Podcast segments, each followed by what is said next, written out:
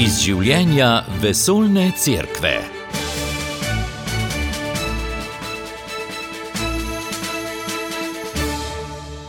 Lepo pozdravljeni v tokratni oddaji, v kateri boste slišali aktualne novice, med drugim o sklepnem poročilu o vizitaciji v centru Aleti in odzivu žrtev na nj. V daljšem pogovoru pa boste lahko prisluhnili tudi stiškemu opatu Maksimiljanu Fileju, ki se je v Ekvadorju udeležil priprav na 53. mednarodni euharistični kongres, ki bo v tej državi potekal v septembra prihodnje leto.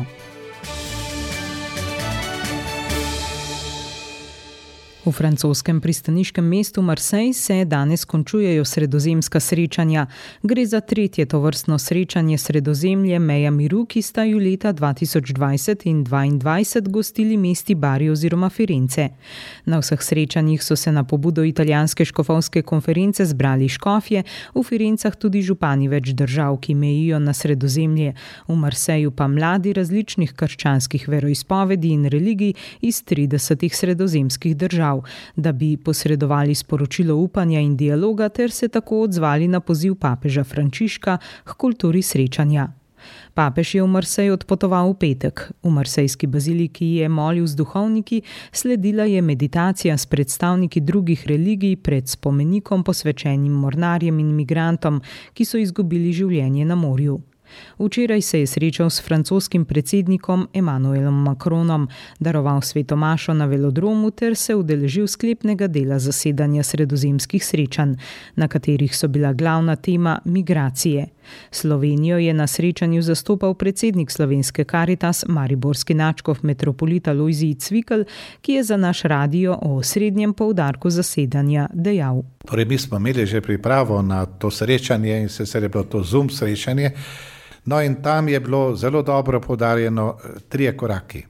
Kaj narediti na začetku, da do teh migracij sploh ne bi prišlo, druga je potem ta pot teh migrantov, in tretja je potem integracija. To so tri korake. Ne? Gotovo se premalo naredi tam na začetku. Zakaj eh, ti migranti gredo na pot? Eh, ne? Ker so tam razmere težke ker, kako bi rekel, eh, ne vidijo več bodočnosti, oziroma ne vidijo nekega upanja, in potem, seveda, se podajo na pot. Je pa velik problem, torej ta, ta eh, korak, ki ga naredijo, ker navadno prodajo vse, ker ta pot ni zastojn. Ne? To v zadju so, kako bi rekel, skupine oziroma posamezniki, ki s tem tudi služijo. In tem ljudem obetajo, da jih bojo pripeljali na, na cilj. Ne? Ampak največ, kar se zgodi, da med potjo potem obstanejo, torej, da ne pridejo do cilja tako hitro, pa nikoli. In zdaj tragedija, doma so vse prodali, denar, denar so porabili in se znajdejo potem na nekje, nekje na, na, na poti. In tukaj, kaj bi rekel, vsaj na tem srečanju, ki je bilo po Zumu, je bilo največ govora potem o teh problemih teh ljudi, ki so zapustili eh, domače okolje, domačo, kaj bi rekel, državo in se podali na pot, v upanju, da bodo hitro prišli na cilj. Ampak eh, sedaj pa se lahko zgodi, da ali ga nikoli ne bodo tega cilja dosegli in jih vračajo nazaj, zdaj če jih vrnejo nazaj, so tam črne ovce, ne, jih tam ne sprejmejo in so to velike, velike tragedije. Ne. Kako zdaj tem ljudem pomagati? Eh, in zdaj tukaj pa so konteksti tako različni. Ne. Nas je bilo tam na okrogli, torej tem, eh, tem zoom srečanju, enih 12, kaj bi rekel, različnih kontekstov in se vidi, da je vsak mal drugačen. Ne. Ponekod se vidi, da eh, je situacija prav eh, zanimiva. Ne. Domačini zapuščajo državo, ker so slabe plače, slabi pogoji, prihajajo begunci, ki pa tudi nočejo tam biti. In je prav zanimivo, mislim, v kakšni situaciji se lahko znajde, znajde neka, neka država.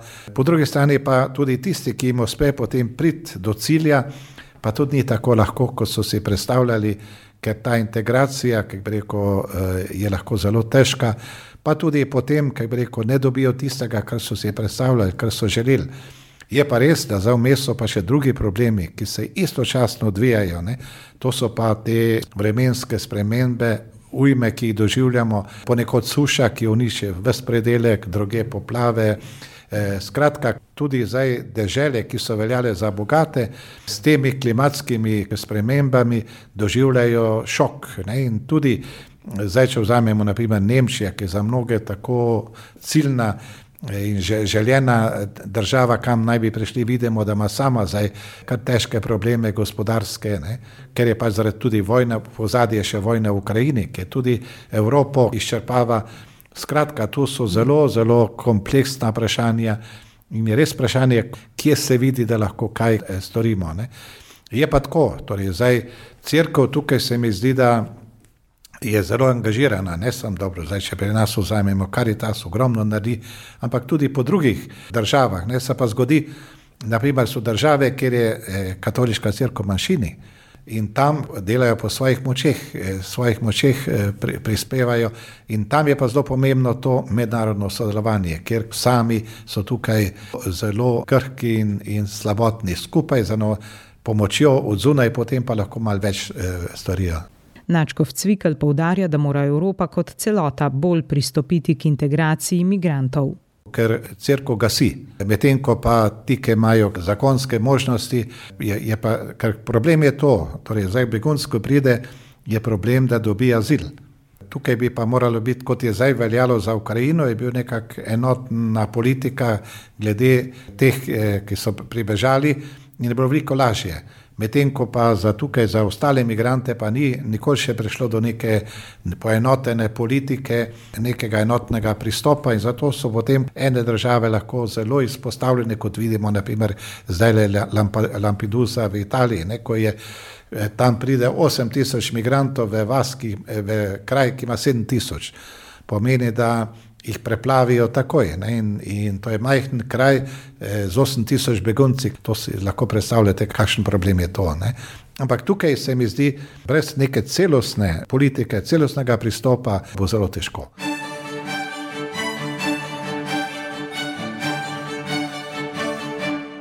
V minulem tednu je precejšen odmev dobilo sklepno poročilo o kanonični vizitaciji v centru Aleti, na kar so se na to poročilo ogorčeno odzvale žrtve. Rimski vikariat je 18. septembra objavil sklepno poročilo o zaključeni kanonični vizitaciji v centru Aleti. Sredi januarja letos jo je odredil vikar rimske škofije, kardinal Angelo de Donatis, potem ko so se v javnosti razširile vesti o dogajanju v zvezi s slovenskim duhovnikom in umetnikom ter nekdanjim jezuitom Markom Ivanom Rupnikom. Center Aleti je od junija 2019 javno združenje vernikov povezano z rimsko škofijo.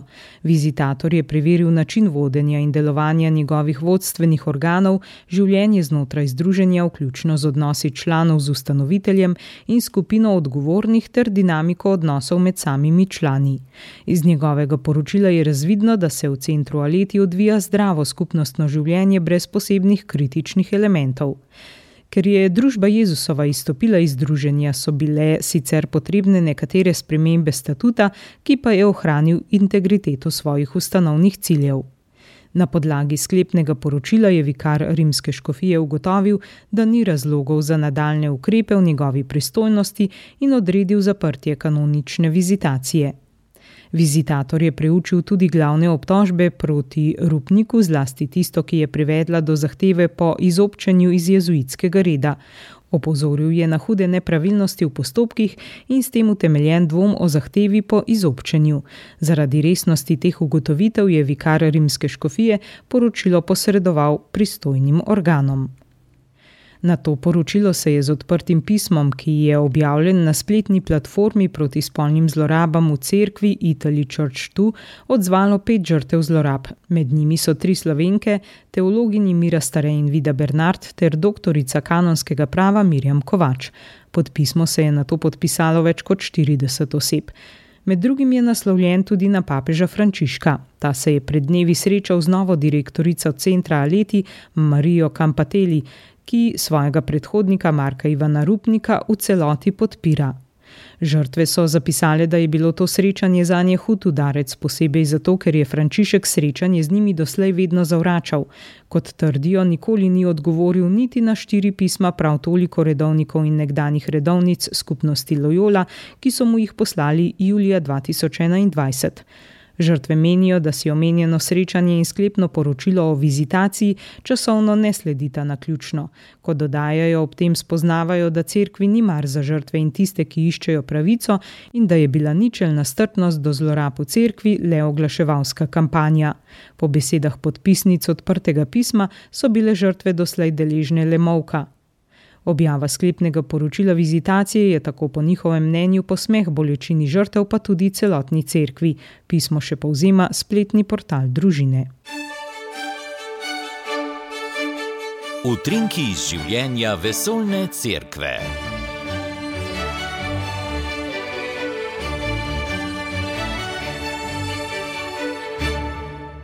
Peking je misiji papeževega odposlanca za mir v Ukrajini namenil precejšnjo pozornost, je povedal kardinal Matej Odzupi, ko se je vrnil z Kitajske.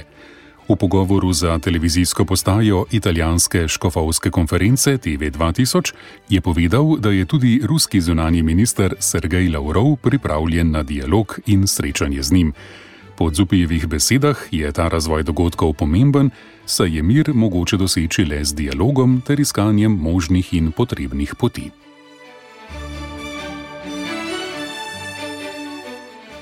V Vatikanu je minuli teden ob 60-letnici izida okrožnice papeža Janeza 23. Pacem Interis potekala mednarodna konferenca z naslovom Vojna in druge ovire za mir. Papež Frančišek je v sporočilu udeležencem povdaril, da je svet brez jedrskega orožja mogoč in potreben, ter ponovil, da je izdelava, uporaba in posedovanje jedrske energije v vojne namene nemoralna.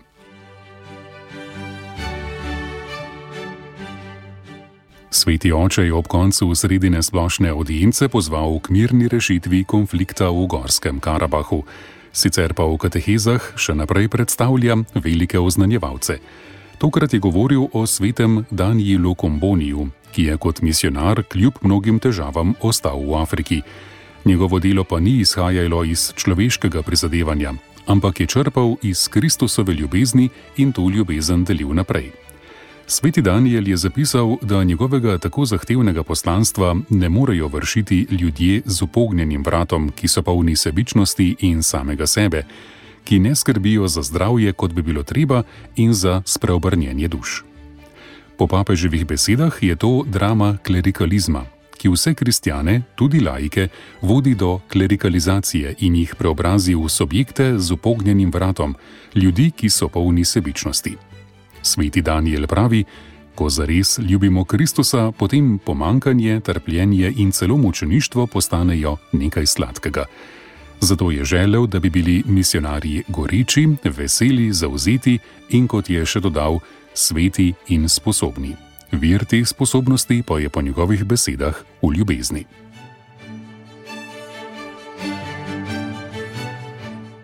Generalni tajnik sinode, kardinal Mario Grek, vernike po vsem svetu vabi k molitveni udeležbi ob 16. rednem zasedanju Škofovske sinode, ki se bo začela 4. oktober v Vatikanu.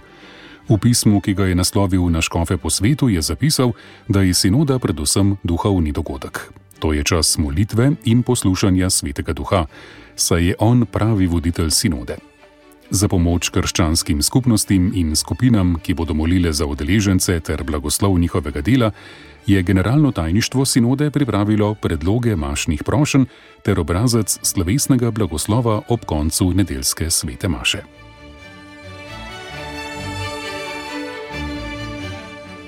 Papež je minuli ponedeljek prek spleta nagovoril tudi udeležence dogodka Clinton Global Initiative, ki je potekal v New Yorku in ga je organizirala fundacija Clinton.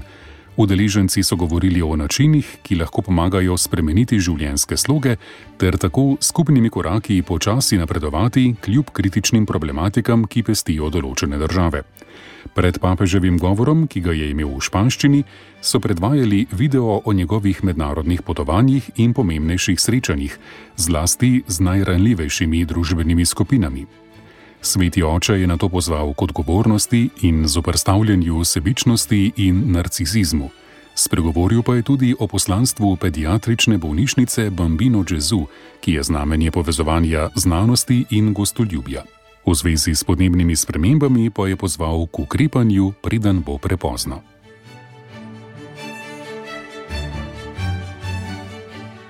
Sveti oče se je v ponedeljek 18. septembra srečal z zaposlenimi in sodelavci Vatikanske lekarne, ki obhaja 150-letnico ustanovitve. Poudaril je, da njihovo poslanstvo, poleg prodaje zdravil, odlikujeta pozornost do najbolj krhkih oseb in skrb za bolnike. Farmacevti po njegovih besedah predstavljajo nežnost Boga, roko bližine, ki ne podaja samo zdravil, ampak predaja pogum in bližino.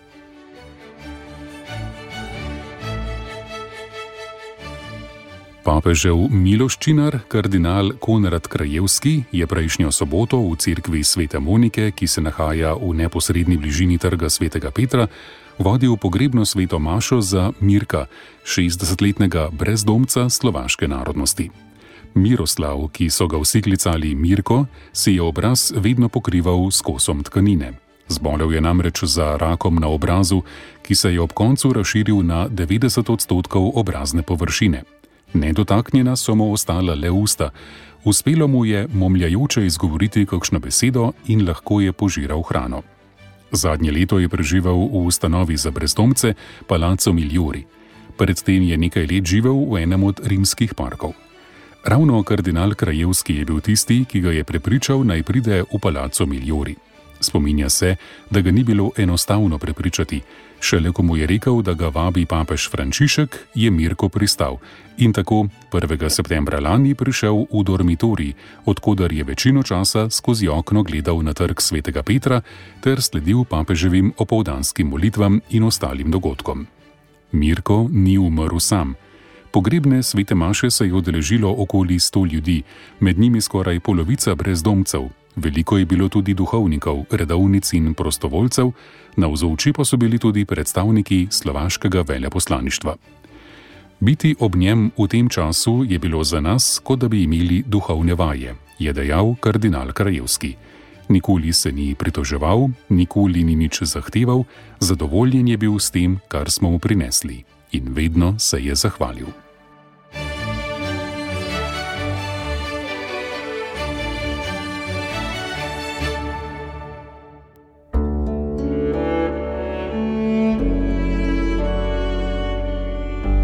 Poslušate podkast Radia Ognišče.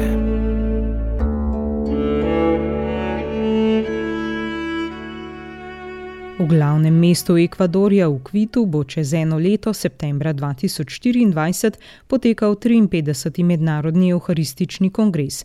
Minuli teden so v tem mestu potekale priprave na ta dogodek. Slovensko škofovsko konferenco je zastopal stiški opat Maksimilijan File.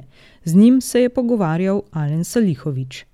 Zakaj je papež za prizorišče 53. mednarodnega euharističnega kongresa izbral Načko Fijo Kvito? Mislim, da je papež Frančišek izbral glavno mesto Ekvadorja, torej Načko Fijo Kvito, predvsem iz dveh eh, razlogov. Prvič, ker Ekvador v prihodnjem letu, oziroma od letos eh, naprej in pa prihodnje leto, obhaja eh, leto Euharistije in naj bi potem to leto Euharistije doseglo vrhunec z eh, mednarodnim Euharističnim kongresom. Drugo pa je, ker naslednje leto obeležujemo 150-letnico, odkar so ekvadorski škofje državo posvetili presvetemu Jezusovemu srcu. Gospod Opat, geslo 53. Euharističnega kongresa je Bratstvo za ozdravitev sveta. Tudi temeljni dokument nosi isto ime. Na pripravah so vam ga predstavili, kakšne poudarke vsebuje. Uh, Škofal Fredo iz Spinoza je pojasnil, da bo to leto Euharistije, ki ga leto začenjajo in bo potem potekalo vse prihodnje leto, doseglo vrhunec z zaključno mašo 53. mednarodnega. Euharističnega kongresa, ki bo 15. septembra. Eh, Cerkev bo to leto Euharistije, teh 12 mesecev, eh, predvsem zaznamovala z pripravo na kongres, eh, ki bo služil krepitvi, poglabljanju in pa spodbujanju naše ljubezni do Jezusa, predvsem navzočega v Euharistiji. V istem smislu Bog prihaja k nam po Euharistiji, ozdravlja naša srca, nam odpira oči, da bi znali gledati tudi na sobrate z ljubeznijo, ne z brezbrižnostjo, da bi prisluhnili kriku najrevnejših in vseh tistih, ki trpijo. Nekako tako je bilo poudarjeno. Katere druge poudarke pa so vam še predstavili? Je more biti bilo govora tudi o tem, da bi se srečanja lahko udeležil papež Frančišek? O tem, ali bi se bo srečanja udeležil papež Frančišek, je bilo predvsej uh, vprašanj, nekaj govora, nihče ni mogel na to vprašanje odgovoriti. Uh, Svetega očeta so povabili.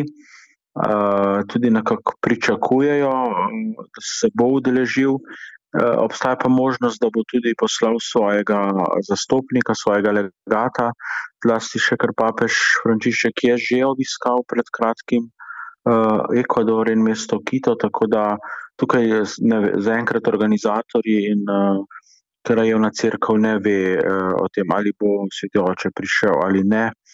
Uh, drugače pa gotovo sam kongres. Uh, bo najprej potekal v obliki nekega simpozija, kjer bodo povabili različne strokovnjake z področja teologije, zlasti eh, dogmatične teologije, ki bodo osvetlili nekako uh, sam pomen Euharistije za naše življenje.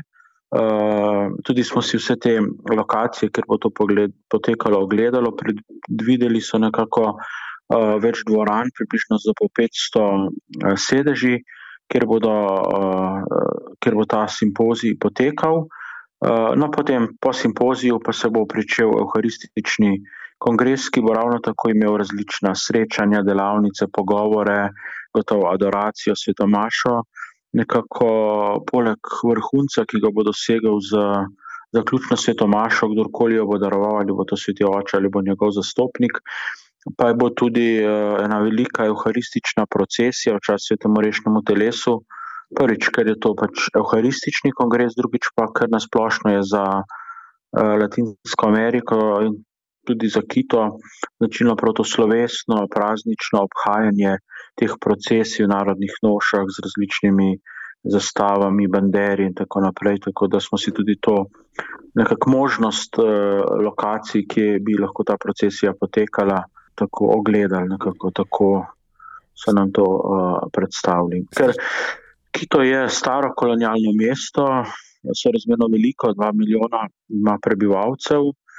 Tudi, če smo morda navajeni za kakšne te države, majhne crkve, tukaj so velike crkve, veliki samostani. V bistvu tudi naša stična se skrije v primerju s temi velikimi samostani, tako da bo to izvedljivo in bo lahko res uh, dostojno in primerno se obhajalo vse te slovesnosti. Stiški opad, eh, gospod Maksimilijan File.